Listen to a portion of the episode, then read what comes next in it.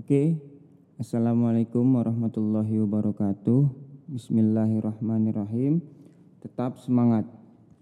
Ya, lo pokoknya jangan pernah bosan-bosan untuk mendengar celotehan gua, terutama dari frasa tetap semangat. Ya kan? Karena hidup ini dipenuhi oleh tantangan. Setiap hari lo menemui berbagai problema yang membuat lo harus dan mampu melewati dan menyelesaikannya. Ya kan? Karena tanpa tantangan itu kehidupan nggak ada nikmatnya. Lo nggak akan berhasrat, lo nggak akan ingin bergerak, ya kan? Ya, lo akan stagnan, nggak sulit untuk berkembang. Nah, oleh karena itu ya kita harus tetap semangat, jangan pernah menyerah, ya kan? Lelah boleh, tapi janganlah berputus asa. Eh, kali ini gue pengen bicara tentang kehidupan adalah sebuah hadiah terbaik dari Tuhan. Ya kan? Life is God's best gift. Nah, oleh Sam Cage. Nah, ini di introductionnya pendahuluannya itu suatu hal yang sederhana namun menggelitik gitu loh ya kan? Membuat siapa pun yang membacanya ingin memahami dan penasaran dibuatnya gitu. Coba lo bayangin judulnya Scandal of Simplicity. Oh skandal loh bro. Kan kita kalau dengar kata skandal itu biasanya suatu hal yang aneh dibuat-buat dan pura-pura. Nah stigmanya buruk. Nah stigmanya buruk. Tapi ternyata skandal ini adalah sesuatu yang nikmat ya kan? Dan kita nikmati karena dia jadi suatu intrik ya di dalam kehidupan. Bumbu-bumbu itu sendiri. Nah apalagi skandal of simplicity skandal dari suatu kesederhanaan. Ya kan? Oh ternyata sederhana itulah bersifat skandal. Nah gue udah mencari beberapa poin ya kan yang menurut gua ya cocok untuk kita pelajari dan kita perbincangkan kali ini.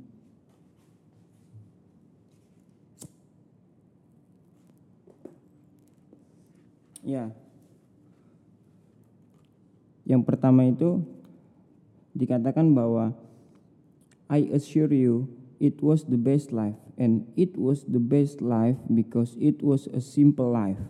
Nah, dia udah membuat statement nih, ya kan, bahwa kehidupan yang terbaik itu adalah kehidupan yang sederhana.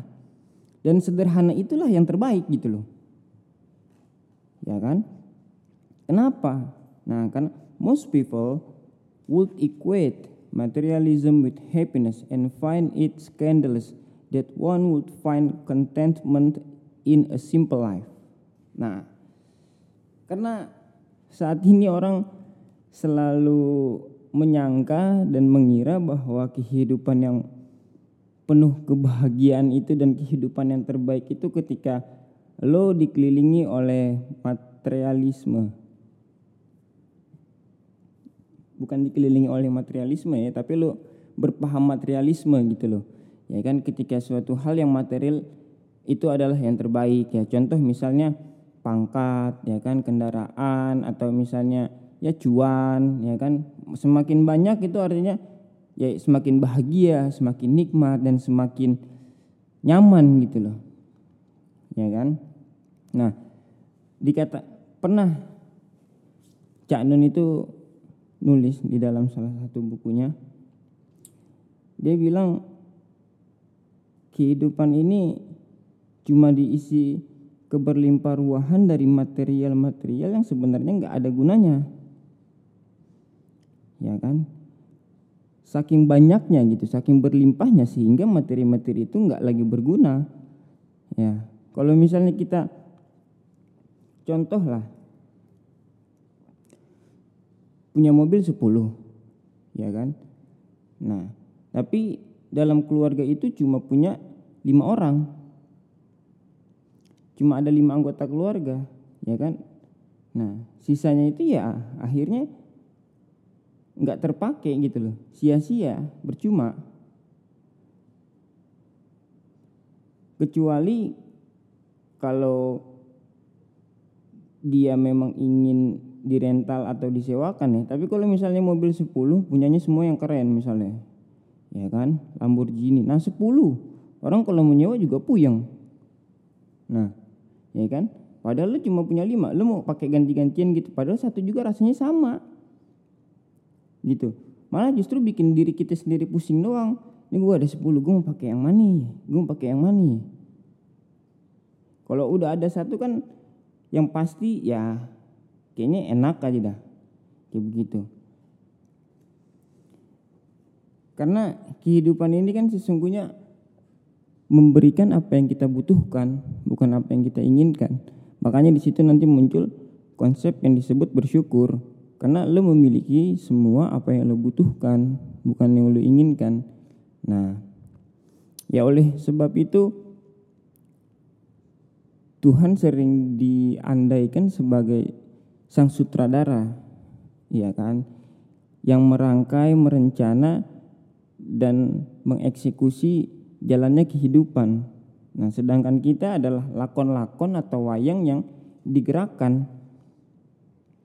Nah, lalu Tuhan berkata untuk membaca segala tanda-tanda dan cerita yang sudah disediakan olehnya tentu saja.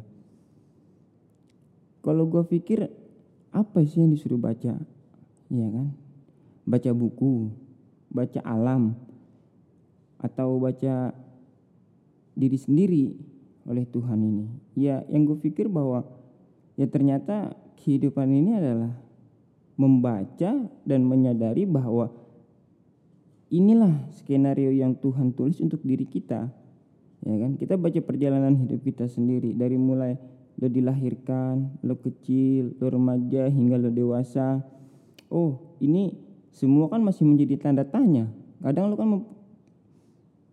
pernah atau mungkin pernah mempertanyakan ya kenapa Tuhan membukakan jalan gue itu ke arah yang ini? Padahal gue pengennya yang ini gitu loh. Lo pengen yang A tapi yang dibukain jalan malah yang B. Apa sih maksudnya? gitu.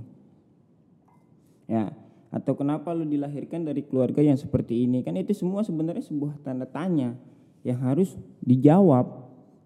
Nah kita membaca cerita-cerita dan kisah yang telah dituliskan oleh Tuhan agar kita tahu oh ternyata alurnya itu seperti ini ya kan? Kita menyadari kesederhanaan dari suatu kehidupan yang memang ya itulah yang digariskan dan ditakdirkan.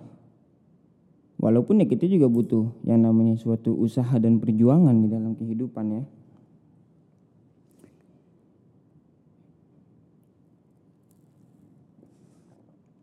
Alasan yang kedua, kenapa bagi Sam Cage ini bahwa kehidupan yang sederhana adalah kehidupan yang terbaik itu karena di mana tempat dia hidup, ruang secara geografis dan spasial itu tidak hanya menyediakan sumber daya alam yang untuk memenuhi hasrat jasmania nah, atau badania semata, tetapi dia juga menyediakan sumber daya bagi jiwa-jiwa yang kosong, ya kan, bagi itu bagi jiwa.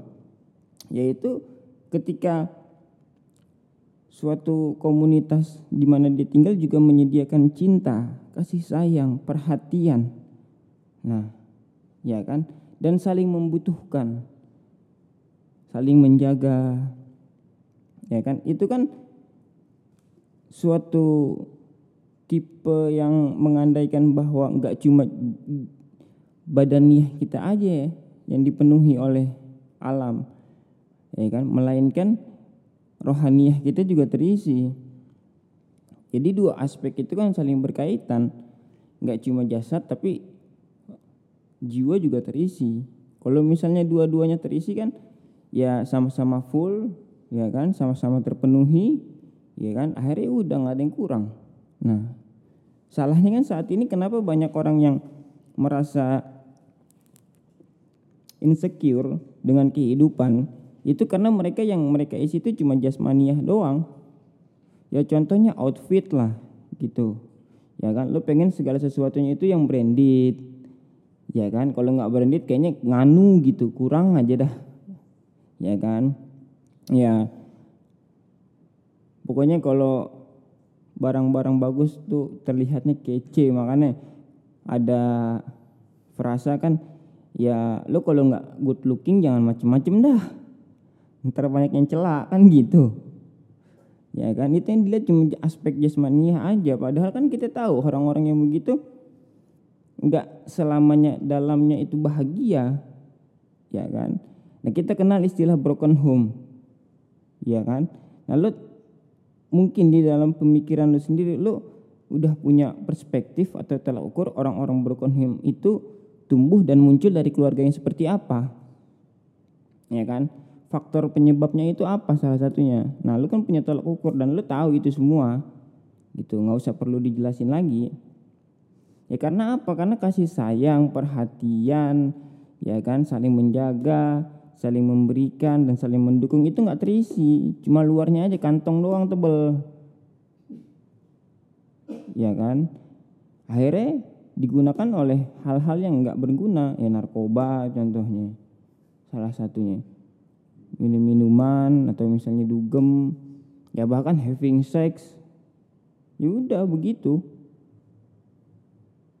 Suatu hal yang ya menurut gua ya percuma gitu loh. Ya toh nanti sebenarnya kalau kita mau bersabar dan bertahan dikit ya akan tiba juga waktu kita untuk merasakan itu semua nggak usah dibikin ejakulasi gitu loh. Semuanya dibikin buru-buru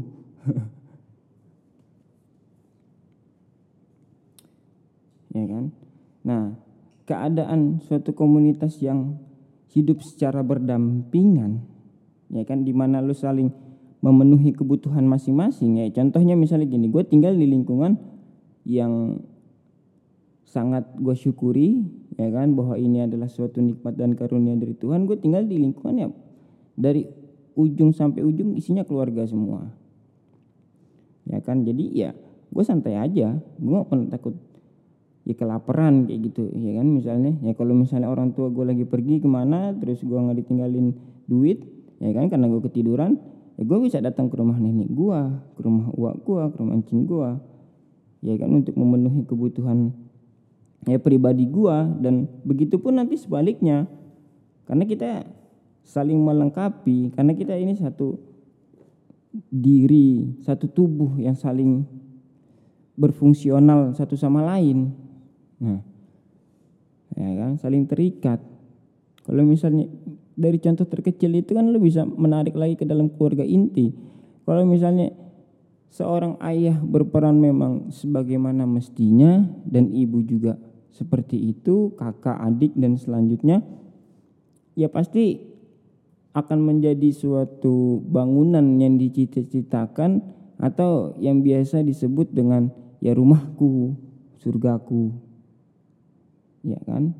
Nah karena ya mereka saling tahu mereka saling berfungsional satu sama lain menjalankan tugasnya kayaknya happy happy aja gitu loh. Walaupun misalnya orang melihat keluarga itu adalah keluarga yang ya mungkin kekurangan secara material ya kan? Tapi kalau memang di dalam keluarga itu isinya orang-orang yang senang dan bahagia ya nggak ngaruh kan ya kan? Nggak semuanya kehidupan ini diukur dan ditilik dari kacamata materi gitu. Ya kan? Ya buktinya banyak.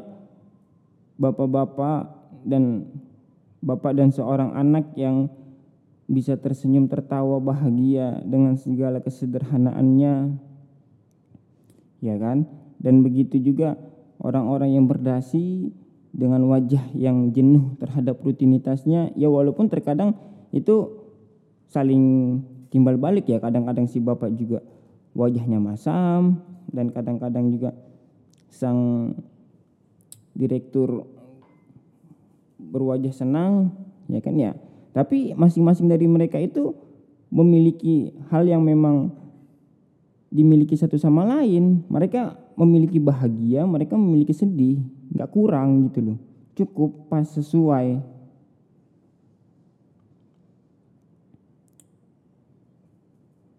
Nah dan yang asik dari contoh di dalam introduction ini adalah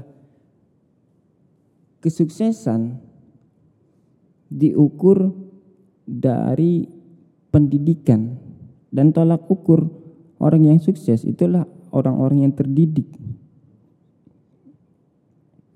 Ya kan? Di sini dia bercerita tentang wilayah tempat tinggal dia ya, Samkech ini di Afrika.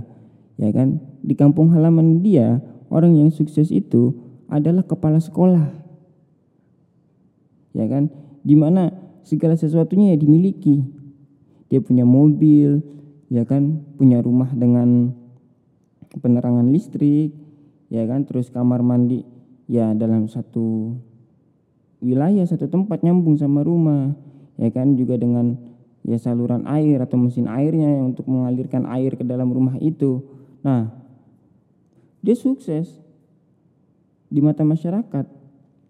Karena dia dipikir ya sudah memiliki semuanya segala dengan kecukupan itu gitu loh. Dan kecukupan itu tidak membuat si kepala sekolah ini sombong. Justru dengan dia memahami bahwa masyarakat itu bersifat fungsional saling memenuhi kebutuhan satu sama lain akhirnya ya ketika ada orang yang membutuhkan pertolongan misalnya ya kan seorang ibu ingin melahirkan ya perlu diantar ke rumah sakit nggak ada mobil ya dia yang nganterin pakai mobil dia sendiri dia nyupirin ya kan.